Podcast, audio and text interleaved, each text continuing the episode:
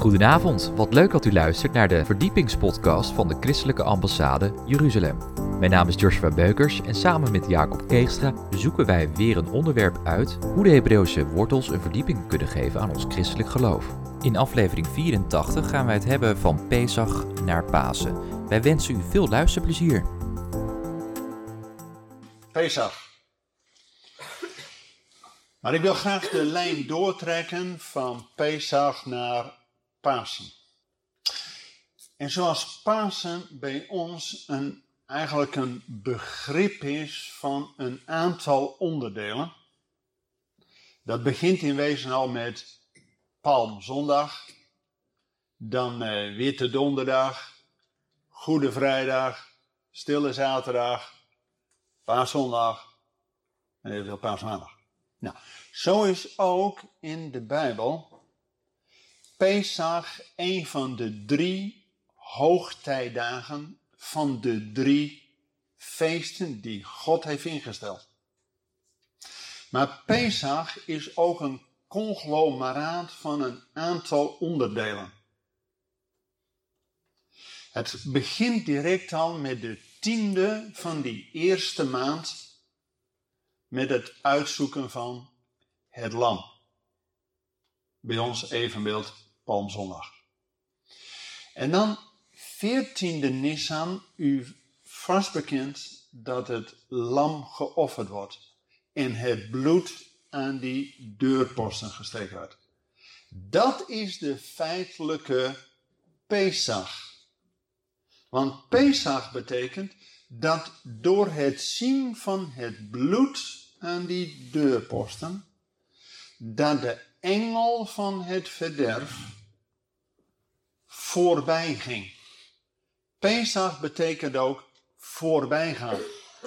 Het oordeel, de dood, ging voorbij.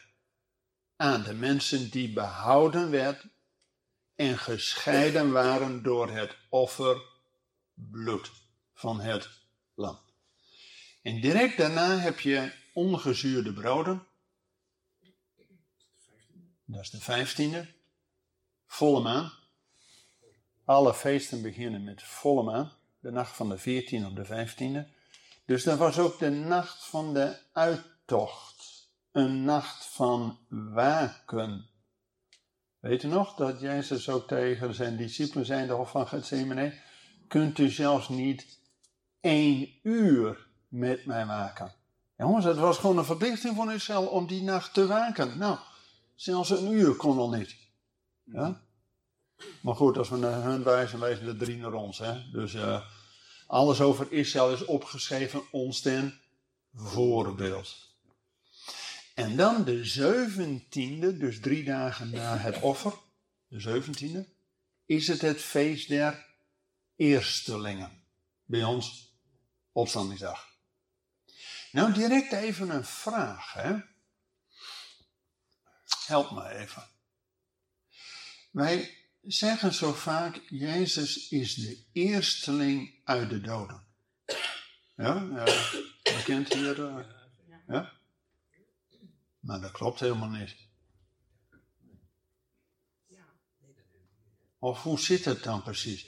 Was Jezus nou de eerste uit de dood? Of hoe zat dat nou? Help mij even. Bijna goed. Bijna goed. Nee, geweldig. Geweldig. Dankjewel. Daarom, leerhuis, hè? Ja, natuurlijk. Daarom vraag ik ook. Ja. Waarom? Kijk, Jezus moest in de lijn der profeten handelen. Want Mozes, de leider van Pesach, had al gezegd: God gaat een profeet uit uw broederen doen opstaan, hoort naar hem. Nou, dan kan alleen maar Jezus als Messias herkend worden als hij doet wat geprofeteerd is. Ik bedoel, anders, ja. Dus Jezus moest laten zien dat hij in de lijn van de profeten handelde. De eerste is Mozes, want Mozes wordt een profeet genoemd.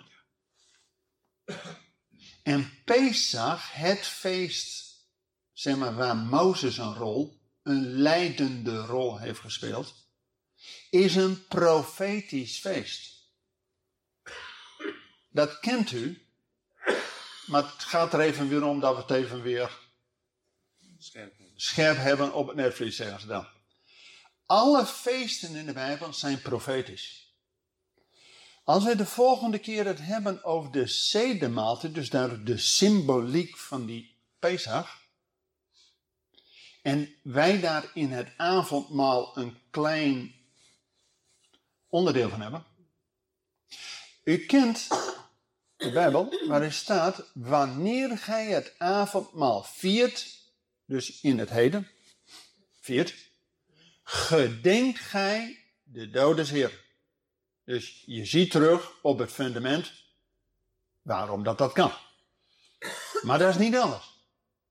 Wanneer gij het viert, gedenkt gij de dode Heeren, komma, totdat hij komt.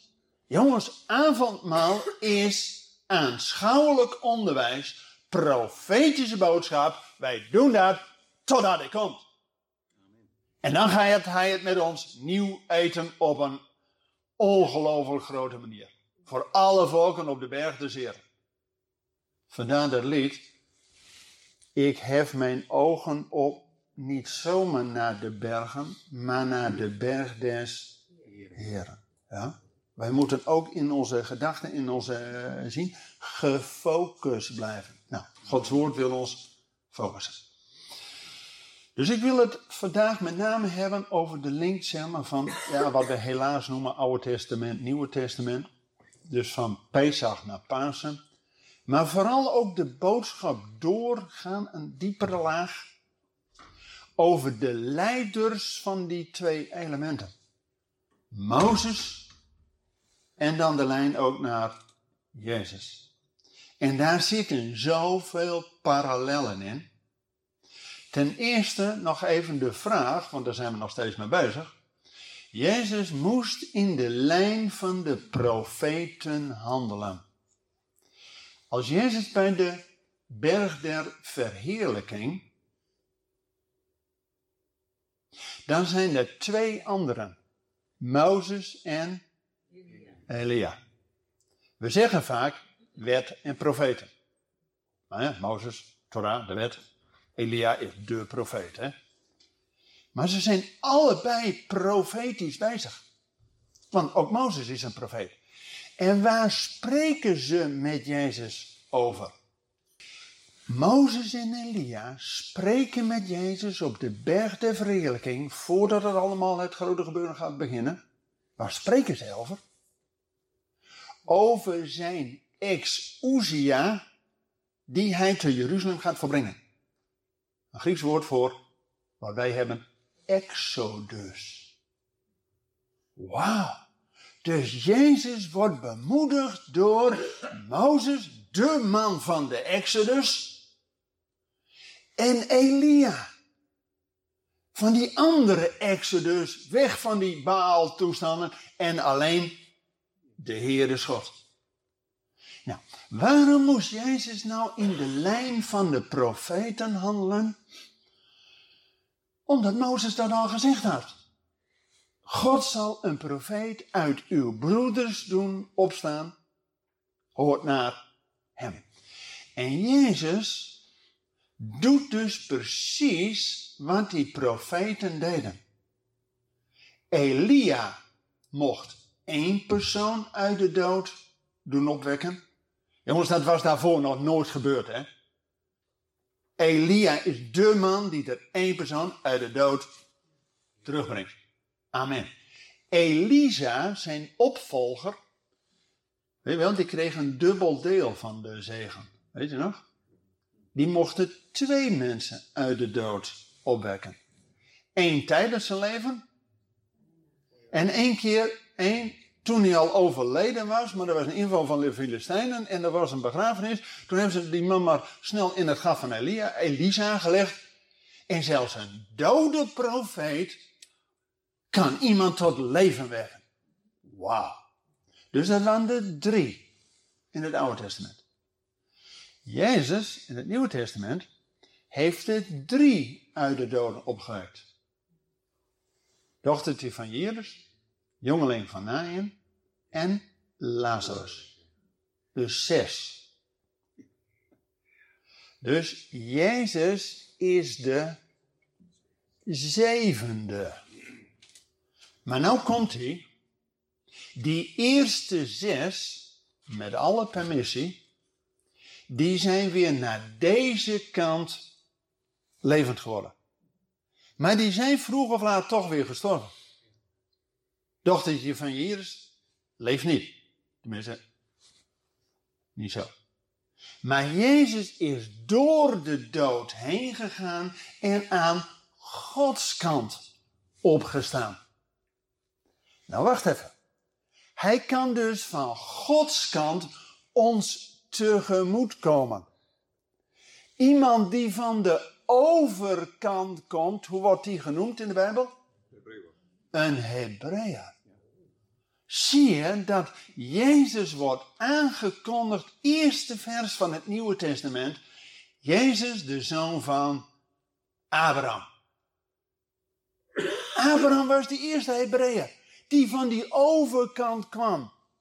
Maar Jezus is nog een diepere laag die van de overkant komt, dat hij door dood en alles heen is gegaan en van Gods kant ons nieuw leven geeft. En daarom beleiden wij in de kerk, Jezus is de eersteling uit de doden. Snap je het verschil? Oké. Dus ik wil met name inzoomen op die twee leiders, Mozes van de Exodus, zeg maar uit het Oude Testament, en Jezus, de Exodus, de opstanding uit het Nieuwe Testament. Nou, gewoon even een vraag, hè. Het is natuurlijk allemaal Hebreeuws denken en Hebreeuwse verdieping van ons christelijke geloof. Hè? Dat is wat we hier allemaal hopen te doen. Nou, Joden stellen vragen. Wij willen allemaal antwoorden.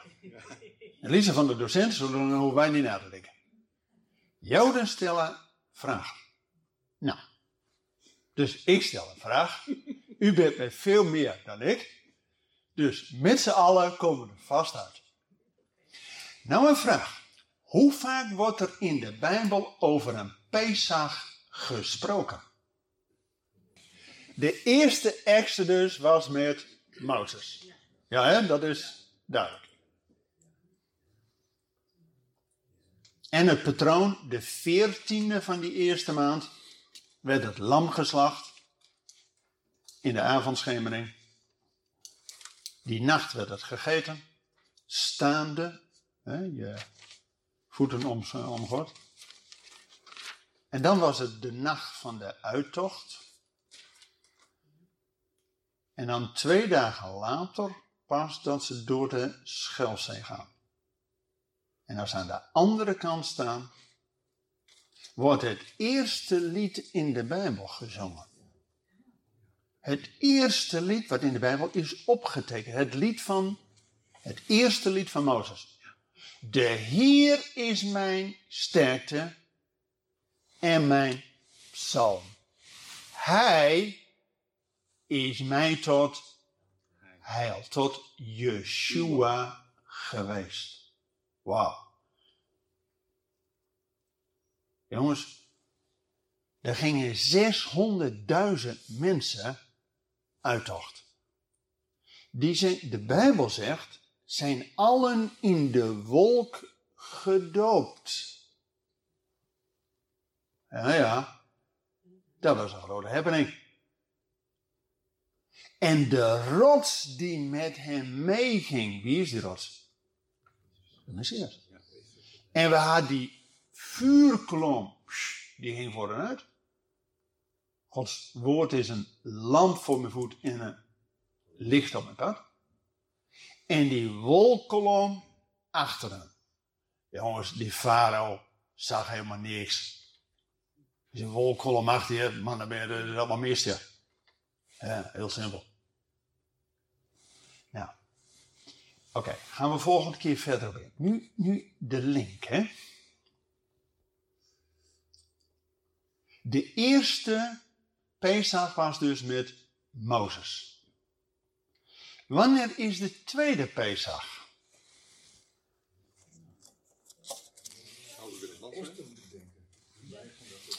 Precies een jaar later met de oprichting van de tabernakel.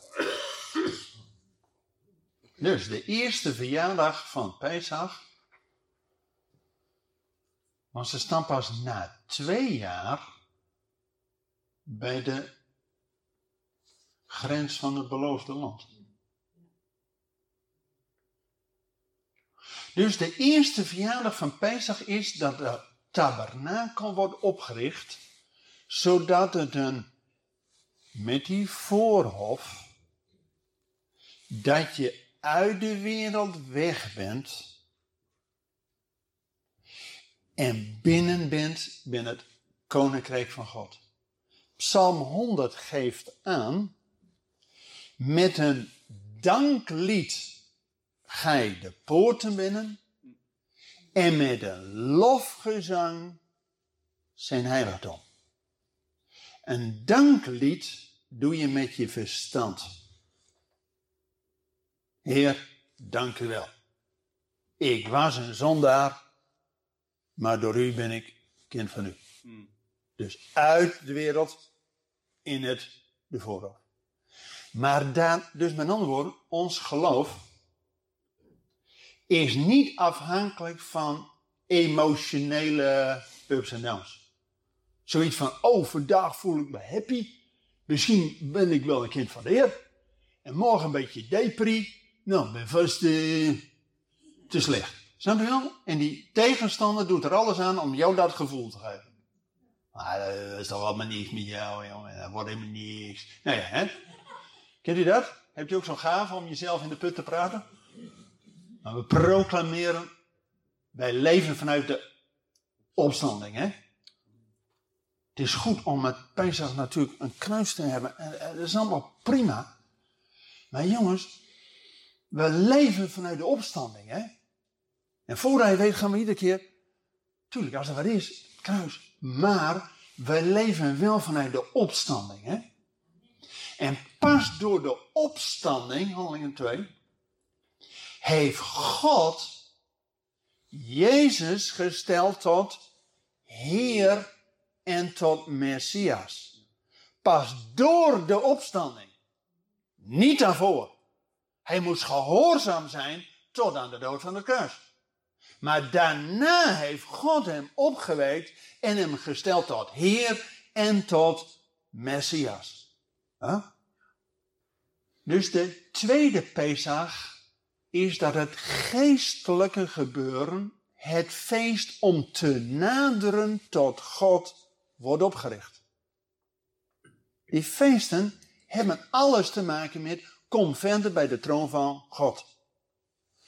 Pasen in Israël is het feest van Abraham. Pinksteren, wekenfeest, is het feest van Isaac. Loofhuttenfeest is het feest van Jacob. En dan heb je nog één extra dag daaraan toegevoegd, Simchat Torah. Dat is de dag, het feest van David of de zoon van David, de Messias. Wauw. Dus het is een proces om daar te komen. Dus die Pesach, die uittocht, is cruciaal om op weg te gaan. Maar het is niet een eindpunt. Het is een middel, maar geen doel. Oké. Wanneer wordt in de Bijbel de derde Pesach gevierd?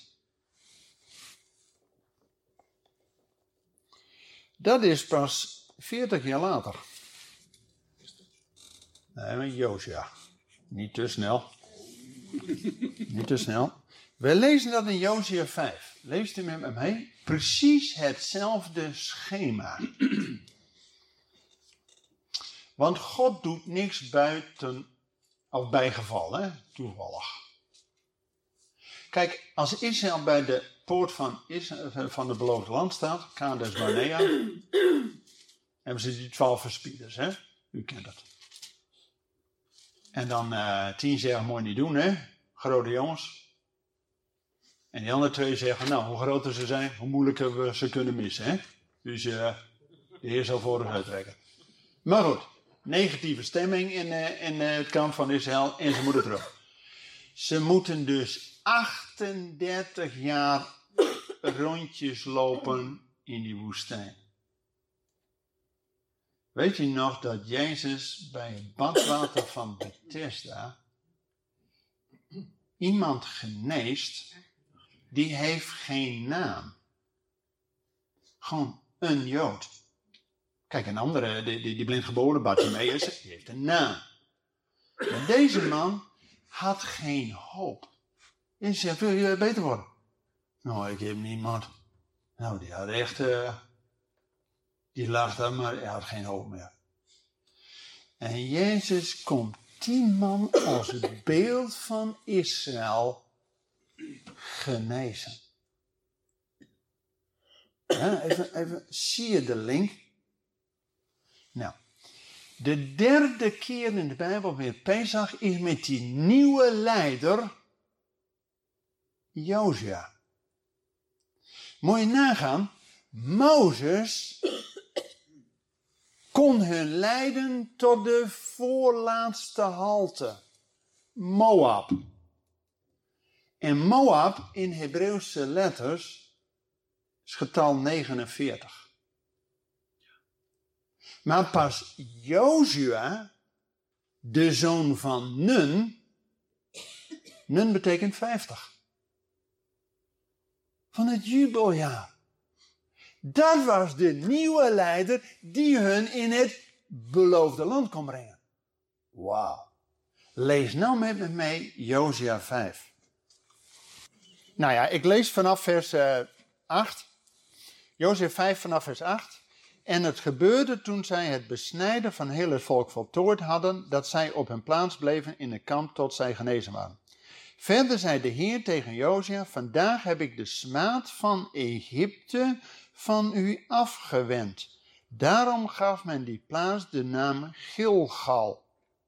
Terwijl de Israëlieten in Gilgal hun kamp hadden opgeslagen, hielden zij het Pascha op de veertiende dag van die maand in de avond in de vlakte van Jericho. Nou, als je de heel Jozua 5, dan is het de tiende van die maand gaan ze door de Jordaan.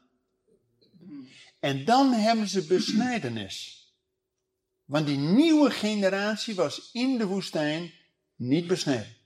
Dus als je het beloofde land inkomt, eerst besnijdenis. Nou, dat duurde drie dagen. En dan de veertiende, dan hebben ze Pesach. En daar staat bij te Gilgal.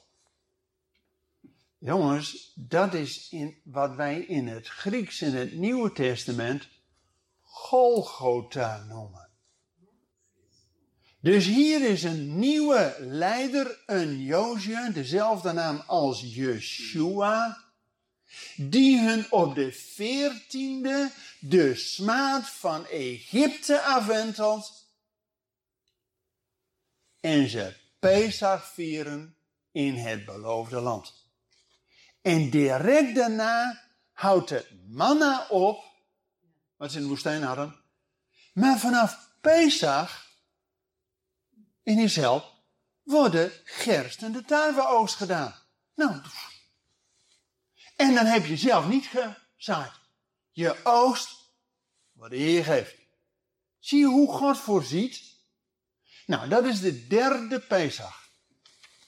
Dan hebben we vervolgens nog drie keer een Pesach die uitdrukkelijk in de Bijbel staat. En dat gaat drie keer over vernieuwing van het verbond. Bij Hiskia, als die genezen is, dan wil hij de Heer niet alleen offeren, maar het hele volk doet mee. Bij Josia is er een herstelbeweging terug naar de Heer en wordt ook het feest van de Heer Pesach gevierd. En we lezen na de ballingschap dat met Ezra en Nehemia worden de feesten weer gevierd. Oké. Dus we hebben tot nu toe zes keer in het eerste verband, Oude Testament. Dan is er nog één profetisch Pesach in het Oude Testament. En dat staat in Ezekiel. Met de nieuwe tempel. En er wordt een heel typisch. Jongens, Pesach in het voorjaar is het keerpunt dat de winter voorbij is en de zomer aanbreekt. In Israël heb je maar twee seizoenen, hè? winter en zomer. Wij hebben vier en een beetje tussenin, hè? Eh, voorjaar en herfst. Maar Israël is heel duidelijk, winter, de feestloze periode, en het begint de zomer, wat wij voornamen met Pesach. En de zomer eindigt met Loofhuttenfeest. Voordat de winter invalt. Dus die twee feesten is ook kenmerk voor dat dag en nacht, zomer en winter, weet je wel, belofte aan Noach. En zelfs in het duizendjarig rijk worden die twee feesten gevierd. Er is één verschil. Eén verschil.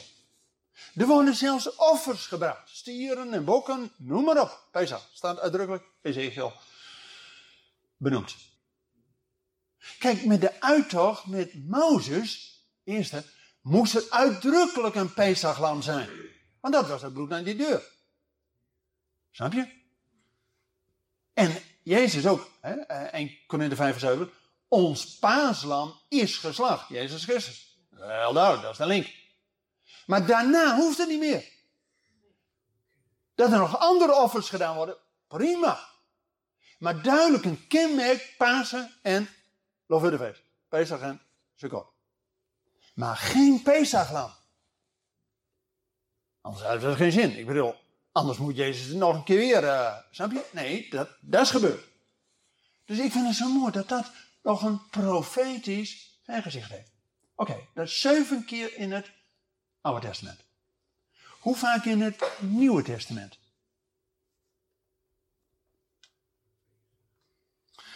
Twee keer.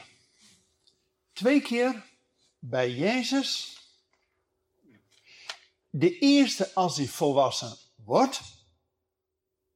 En de andere keer bij zijn lijden en sterven. Ja, dus in zijn volwassen periode. Weet u dat zo'n lam trouwens. We hebben het altijd over een lammetje, hè? Dit is helemaal geen lammetje. God is geen dierenbeul. Weet u wat er staat? Een eenjarig volwassen ram. Nou, als je een, een, een weiland met schapen hebt en er hebt er één ram bij, nou, die ramt je eruit hoor. Ja, zeker die uh, volwassen is. Ja. Dus Jezus kon ook pas op zijn dertigste, als hij volwassen is aan alle kanten, als lam dienen. Ja, dat kon niet daarvoor. Dus bij Jezus twee keer, hè, eh, zijn twaalf, hij was twaalf en half, toen hij uh, de eerste keer met Pesach, en daar was al duidelijk, hij moet zijn in het huis van zijn vader. En die laatste Pesach was natuurlijk ook bij het huis van zijn vader. Ja, snapt u de link? Dus we hebben zeven keer Pesach in het Oude Testament, twee keer in het Nieuwe Testament. Oké. Nou, wil ik graag wat uitleggen over de twee leiders van, van Pesach naar Pasen van Mozes naar Jezus. Want daar zitten zoveel parallellen in dat Mozes een type is van die Messias. Mozes en later ook Jezus zijn beide uit de dood gered. Weet je, toen Mozes geboren is, was het bevel van de farao al die jongens in de Nijl, de doodsrivier. Maar Mozes is in een arkje behouden. Hé, hey, ark. Waar doet je daar aan denken? Weet u, ik had zo net bij Jozua dat God precies dezelfde timing heeft als 40 jaar daarvoor met Mozes. Op de tiende van die maand moest het lam uitgezocht worden, de veertiende geslacht en de zeventiende doortocht door de Schelpzee. Feest der Eerste. Ook bij Jozua. De tiende door de Jordaan, dan de besnijdenis, op de veertiende Pesach en pas op de zeventiende begint hij met Jericho. Ja. Oké, maar eventjes daarvoor, een paar jaar daarvoor, bij Noach met zijn arkje, weet je wel. Wanneer strandde nou Mozes met de ark op die Ararat? Het was eerst 40 dagen regen, toen nog 40 dagen de, de, de bronnen uit uh, de ondergrond. En toen was het 150 dagen voordat het droog werd. En toen wachtte hij nog 150 dagen. Oké, lees het allemaal maar na. Op welke dag strandde de ark op de rots? Dat was de zeventiende van de eerste maand. Dat is opstandingsdag. Jongens, er is bij God geen toevallig. Op de dag van de opstanding was Noach met die zeven anderen stranden op de rots, oftewel gefundeerd op de rots. Zo, dat kun je toch zelf niet bedenken? Zo'n God hebben wij die het allemaal al lang in controle heeft. En niks toevallig. Ach ja, dat moest ook een keer weten. Nee, op Gods timing. En daarom is het zo van belang dat we de feesten snappen als een timing van God. God heeft de feesten gegeven en ook de zon en maan als tekenen. Weet u wanneer het Pesach is? Er zijn drie voorwaarden. Dan is wanneer zon en maan. Zon natuurlijk, uh, hè? maar ook de maan.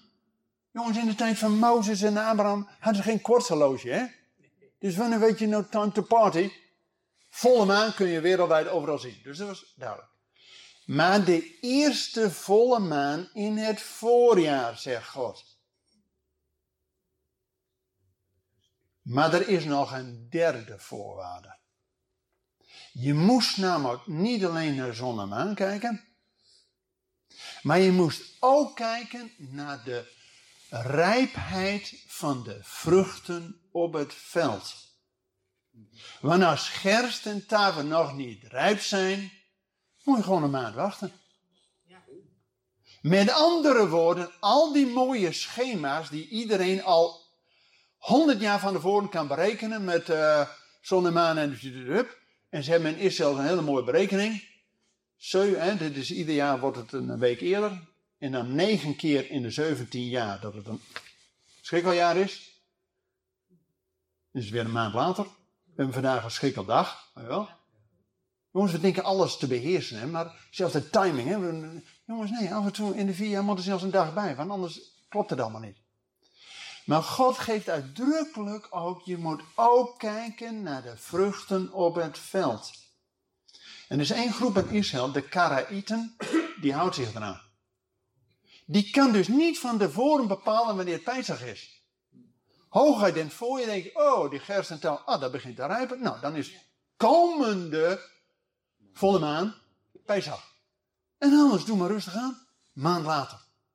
Dat is door God ingegeven. Dus God weet alles van tevoren, maar wil ook dat wij op aarde gewoon onze ogen En toestanden ook wel. Snap u? Trouwens, in het Nieuwe Testament, hoe wordt dan de feesten van God genoemd? Pasen is het feest van de Zoon. Pinksteren is het feest van de Geest. Nou, dan missen we er nog één. Feest van de Vader. We proclameren toch altijd uh, een drie-enige God, Vader, Zoon en Geest. Maar we missen dat we van Pasen en Pinkster vanuit de Zoon in de Geest, Efeze 2 vers 18, dat we door de Zoon in één geest tot het hart van de Vader komen. Jongens, Pasen is een begin. Uit de wereld, uit die duisternis, kom in het licht. Maar het is niet het einddoel. feest. En dan Shimcha Torah, als we Vader, Zoon en Geest gehad hebben. Shimcha Torah is het feest van koninkrijk. En we zien ook dat Pasen is het feest van de bevrijder. Pinksten het feest van de losser. En Loofhuttenfeest het feest van de bruidegom. En dan Simchat Torah, dan wordt het huwelijk ingewijd. Wauw. God heeft zoveel beelden om ons bij de les te houden, om, zodat we doorgaan om te naderen tot God. Die vooraf met het offer, beeld van de zoon. Dan in het heiligdom het menorah, beeld van de geest. Maar je moet komen tot de ark waar het verzoendeksel is. Waar de troon van God is. Daar doe je zaken. Ja? Wij blijven bij de deur hangen. Nou, oké, vaker over gehad. We gaan wel. Kijk, ik wou de verbinding in de overeenkomst, maar ook het verschil tussen de twee leiders, van wat we even gemakshalve Pesach en Pasen noemen. Het is natuurlijk hetzelfde feest, maar ik noem het even zo. Mozes van Pesach en Jezus Pasen. Hebben al dat Mozes en Jezus beide gered zijn. Door de dood heen. Jezus de eersteling uit de dood. Maar beide waren ook verworpen door hun broeders. Zullen we daar eens wat van lezen? Dat is Handelingen 7. Handelingen 7.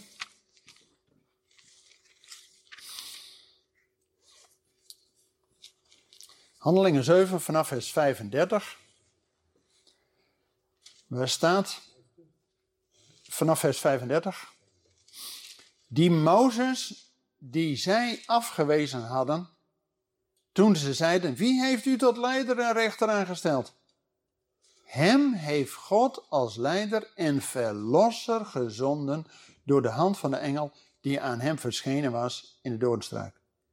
Deze heeft hen uitgeleid. Terwijl hij wonderen en tekenen deed in het land Egypte, in de Rode Zee en de woestijn 40 jaar. Dit is Mozes die tegen de Israëlieten gezegd heeft: De Heer uw God zal voor u een profeet laten opstaan uit uw broeders. Zoals ik naar hem moet u luisteren. Hij is het die in de woestijn tijdens de samenkomst van het volk bij de engel was die tot hem sprak op de berg Sinaï en bij onze vaderen. En wij, hij was het die de levende woorden ontving om die aan ons door te geven. Dus Mozes was degene die het woord van God doorgaf. Onze vaderen wilden hem niet gehoorzamen maar verwierpen hem en keerden hun in hun hart terug naar Egypte. En ze zeiden tegen Aaron, maak voor ons goden die voor ons uit zullen gaan. Want wat die Mozes betreft, die ons uit het land Egypte heeft geleid, wij weten niet wat er met hem gebeurd is. En ze maakten in die dagen een kalf en brachten een offer aan die afgod. En ze waren verblijd over de werken van hun handen. Mozes was degene die die tien plagen over Egypte uitsprak. God deed het. Maar in het kamp van Israël worden dat niet de tien plagen genoemd. Nee, want de plagen die overkwamen Israël, uh, Egypte. Maar voor Israël waren het de tien ot, tien tekenen. Tien tekenen dat God machtiger is dan die afgoden van Egypte. Die Nijl was ook een uh, afgod. En die kikkers en, en noem alles maar op. Dus God liet in de tekenen zien dat hij machtiger is dan al die afgoden van Egypte. En ook die farao werd als een god aanbeten. Hè? Dus die laatste plaag, dat zijn zoon er niet meer was. Met andere woorden, die lijn van die goddelijke toestand was afgelopen. Nou, dat was de grootste. Dat die farao op een gegeven moment zei, nou, nou dat maar allemaal maar uit. Ja?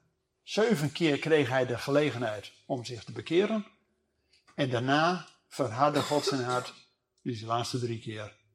Dat was als voorbereiding voor die tiende. En dan laat volk gaan. Mozes was degene die het volk uit Egypte doet gaan. De Bijbel zegt al, uit Egypte heb ik mijn zoon geroepen. Dus in de eerste plaats Israël. Maar daarna natuurlijk ook Jezus. Is ook in Egypte geweest, vanwege Herodes, eh, je kent het wel. En ook daarna uit Egypte geroepen. Maar we lezen ook dat Mozes pas na 400 jaar Israël uit Egypte kon leiden. 400 in de Hebreeuwse taal is de laatste letter. Je hebt Alef en Taf. Alef is 1 en de laatste letter is 400. En God had aan Abraham al gezegd, na 400 jaar, bij de vierde generatie, uittocht. Nou, Abraham is de twintigste generatie. Mozes is de 26ste. Dat zegt u niks. Maar wacht even. God werd aan Abraham. Abraham was de vriend van God, hè? Bedoel, dat was niet de eerste de beste. En wij mogen doorgeloven in Jezus, kinderen van Abraham zijn, hè? Dus we horen er helemaal bij, hè? Abraham kende God alleen als El Shaddai, de Almachtige. Nou, dat is natuurlijk al geweldig. Maar pas aan Mozes werd God bekend als ik ben die ik ben, Jawel. De God van Abraham, de God van Isaac, de God van Jacob. De naam God, Jawel, heeft vier letters in het Hebreeuws. Jod, He, Waf, He. Misschien kent u het. Getalswaarde daarvan is 26. Ziet u de link? Dat pas bij generatie 26, Mozes, de grote leider, de grote verlosser uit het Oude Testament, die het hele volk na 400 jaar uittocht doet laten gaan, is dus precies diezelfde als Yeshua, die na 400 jaar van de laatste profeet uit het Oude Testament is Jezus de eerste profeet uit het Nieuwe Testament, 400 jaar daarna. In 400 is de afronding, met allemaal die cirkel is voorbij, nu de volgende ronde. Snap je dus? Ook daarin een enorme parallel tussen Mozes en Jezus. Maar we lezen bijvoorbeeld ook in Hebreeën dat Hebreeën 7 en Hebreeën 8, dat Mozes was niet alleen de wetgever, de Torah, wat wij wet noemen, is door Mozes gekomen.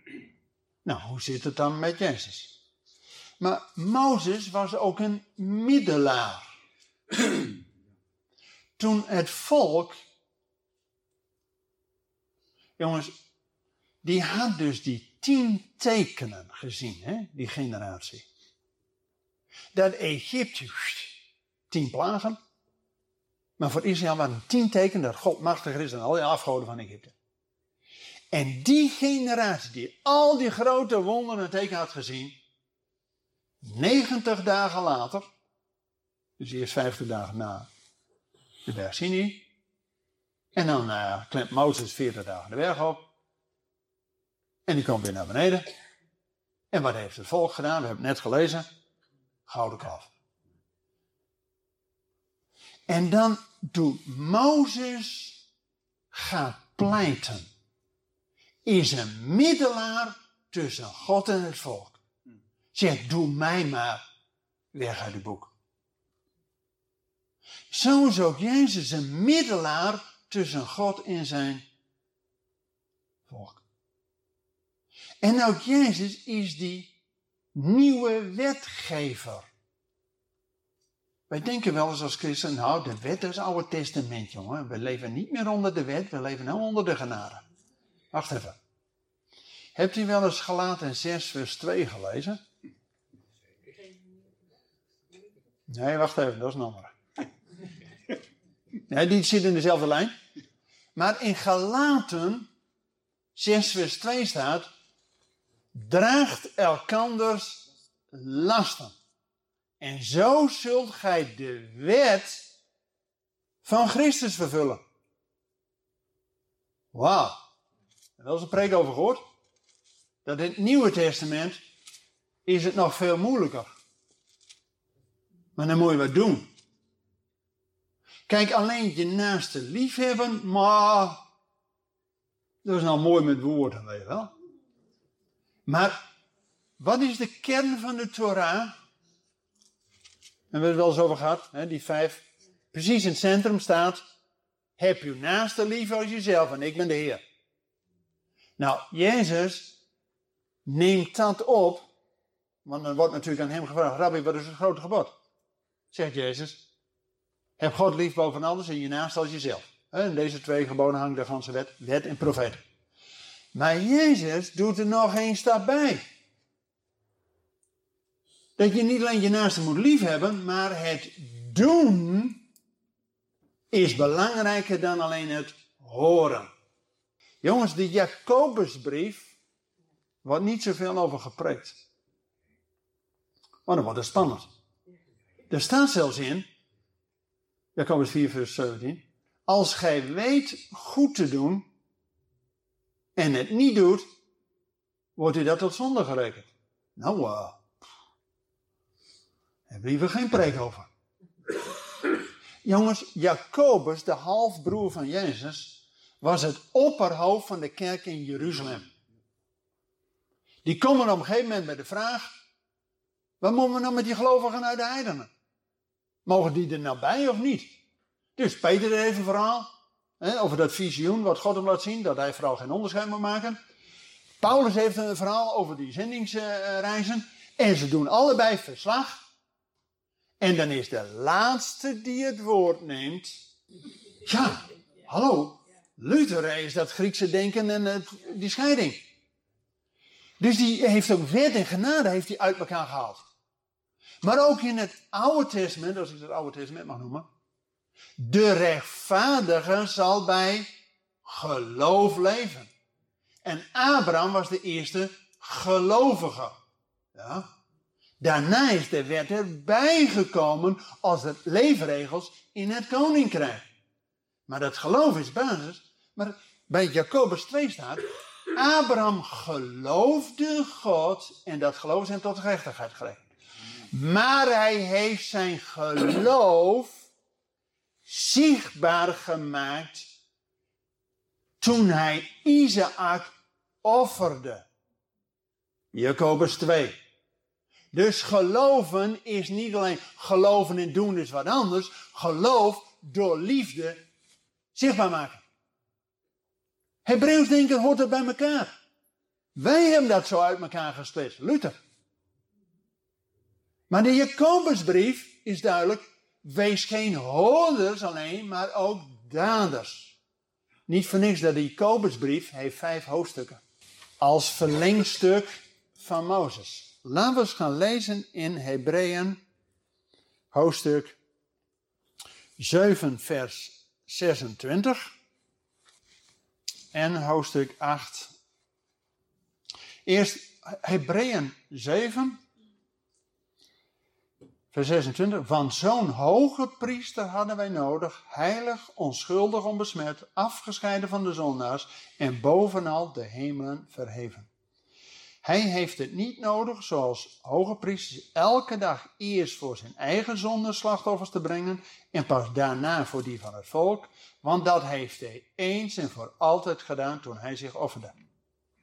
Ja, dus hierin is duidelijk dat Jezus een ander verbond en een ander offer bracht en ook een hoge priester is, niet naar de ordening van Aaron, maar van Melchizedek. Ja? En in Hebreeën 8, dan lezen we vanaf vers 6, nu heeft Jezus echter een zoveel voortreffelijker bediening ontvangen, zoals hij ook van een beter verbond middelaar is, een verbond dat in betere beloften is vastgelegd.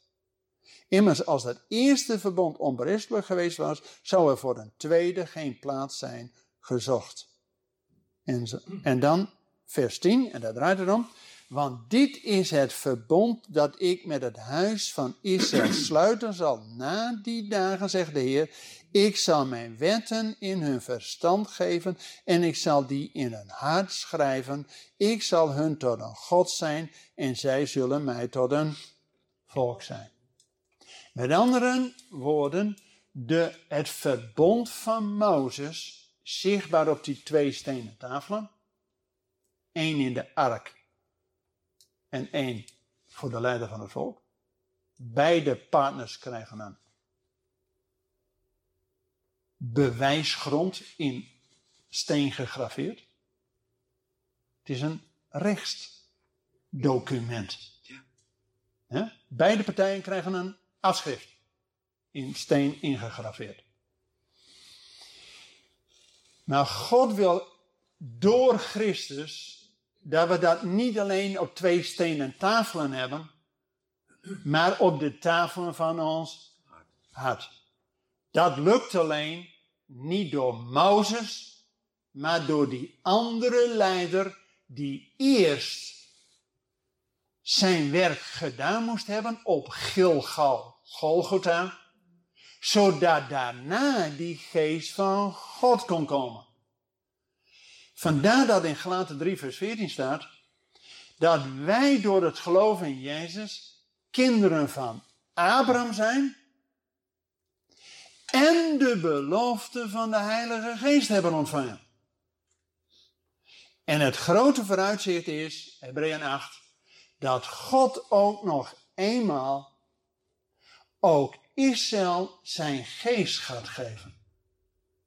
En daarom is het goed dat wij bij elkaar zijn en straks ook gaan bidden. Want Ezekiel 36 en 37, dalde door de doodsbeenderen. U kent dat. Dan moet Ezekiel, hé, hey, dat was die man die ook al profeteerde over dat zevende Pesachfeest, hè? Gaat komen. Maar die God zei tegen hem, Ezekiel, profeteer over die botten. Nou, komen we aan elkaar. Maar geest was in hen nog niet. En nou komt hij. En nou komt onze roeping. Dan staat dat God uitdrukkelijk zegt tegen Ezekiel, profeteer ten tweede malen.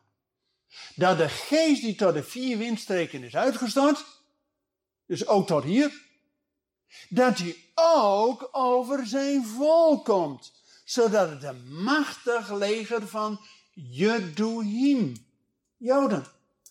Wat betekent Juda? Godlovers. Dat we niet door eigen kracht, zelfs niet het IDF, maar door Gods geest gaan doen. En daarom heeft God een vrienden manier dat door Christus hebben wij Gods geest ontvangen Maar die geest wil ook weer over zijn volk blazen. En dan pas gaat ook Israël zeggen, Baruch haba B'Shem Adonai. Niet door kracht of geweld, maar door mijn geest. En weet u, in de voorbereiding op Pesach, wij hebben vaak die 40 dagen. misschien bekend. Israël hebben ze vijf weken. Niet zeven, maar vijf. En de laatste Shabbat voor Pesach leest men Malachi 4. Dat God een Elia doet opstaan als heraut voor de Messias. Wauw. En daarbij zegt maar één ding. Elia, maar ook, Nieuw Testament, Johannes de Doper, heraut voor de Messias, is geboren met Pesach. En waar is die Elia-type nou voor nodig? Om het hart van de kinderen terug te brengen tot het hart van de vaderen. En dat is niet alleen harmonie in het gezin, nee, nog veel dieper. Want wie zijn de vaderen? Abraham, Isaac en Jacob. Dus wat is die profetie van die heraut? Dus Pesach is een profetisch feest. Dat die heraut komt om de kinderen van Israël terug te brengen tot het hart van de. Bedankt voor het luisteren naar deze verdiepingspodcast van de ICEJ. Waardeert u onze podcast? Steun ons dan. Deel deze podcast met uw vrienden of familie of ga naar icej.nl. Volgende week gaan wij starten met een nieuwe Bijbelserie, De Landbelofte van Israël. Ik hoop dan dat u wederom naar ons gaat luisteren. Hartelijk bedankt voor het luisteren en tot volgende week.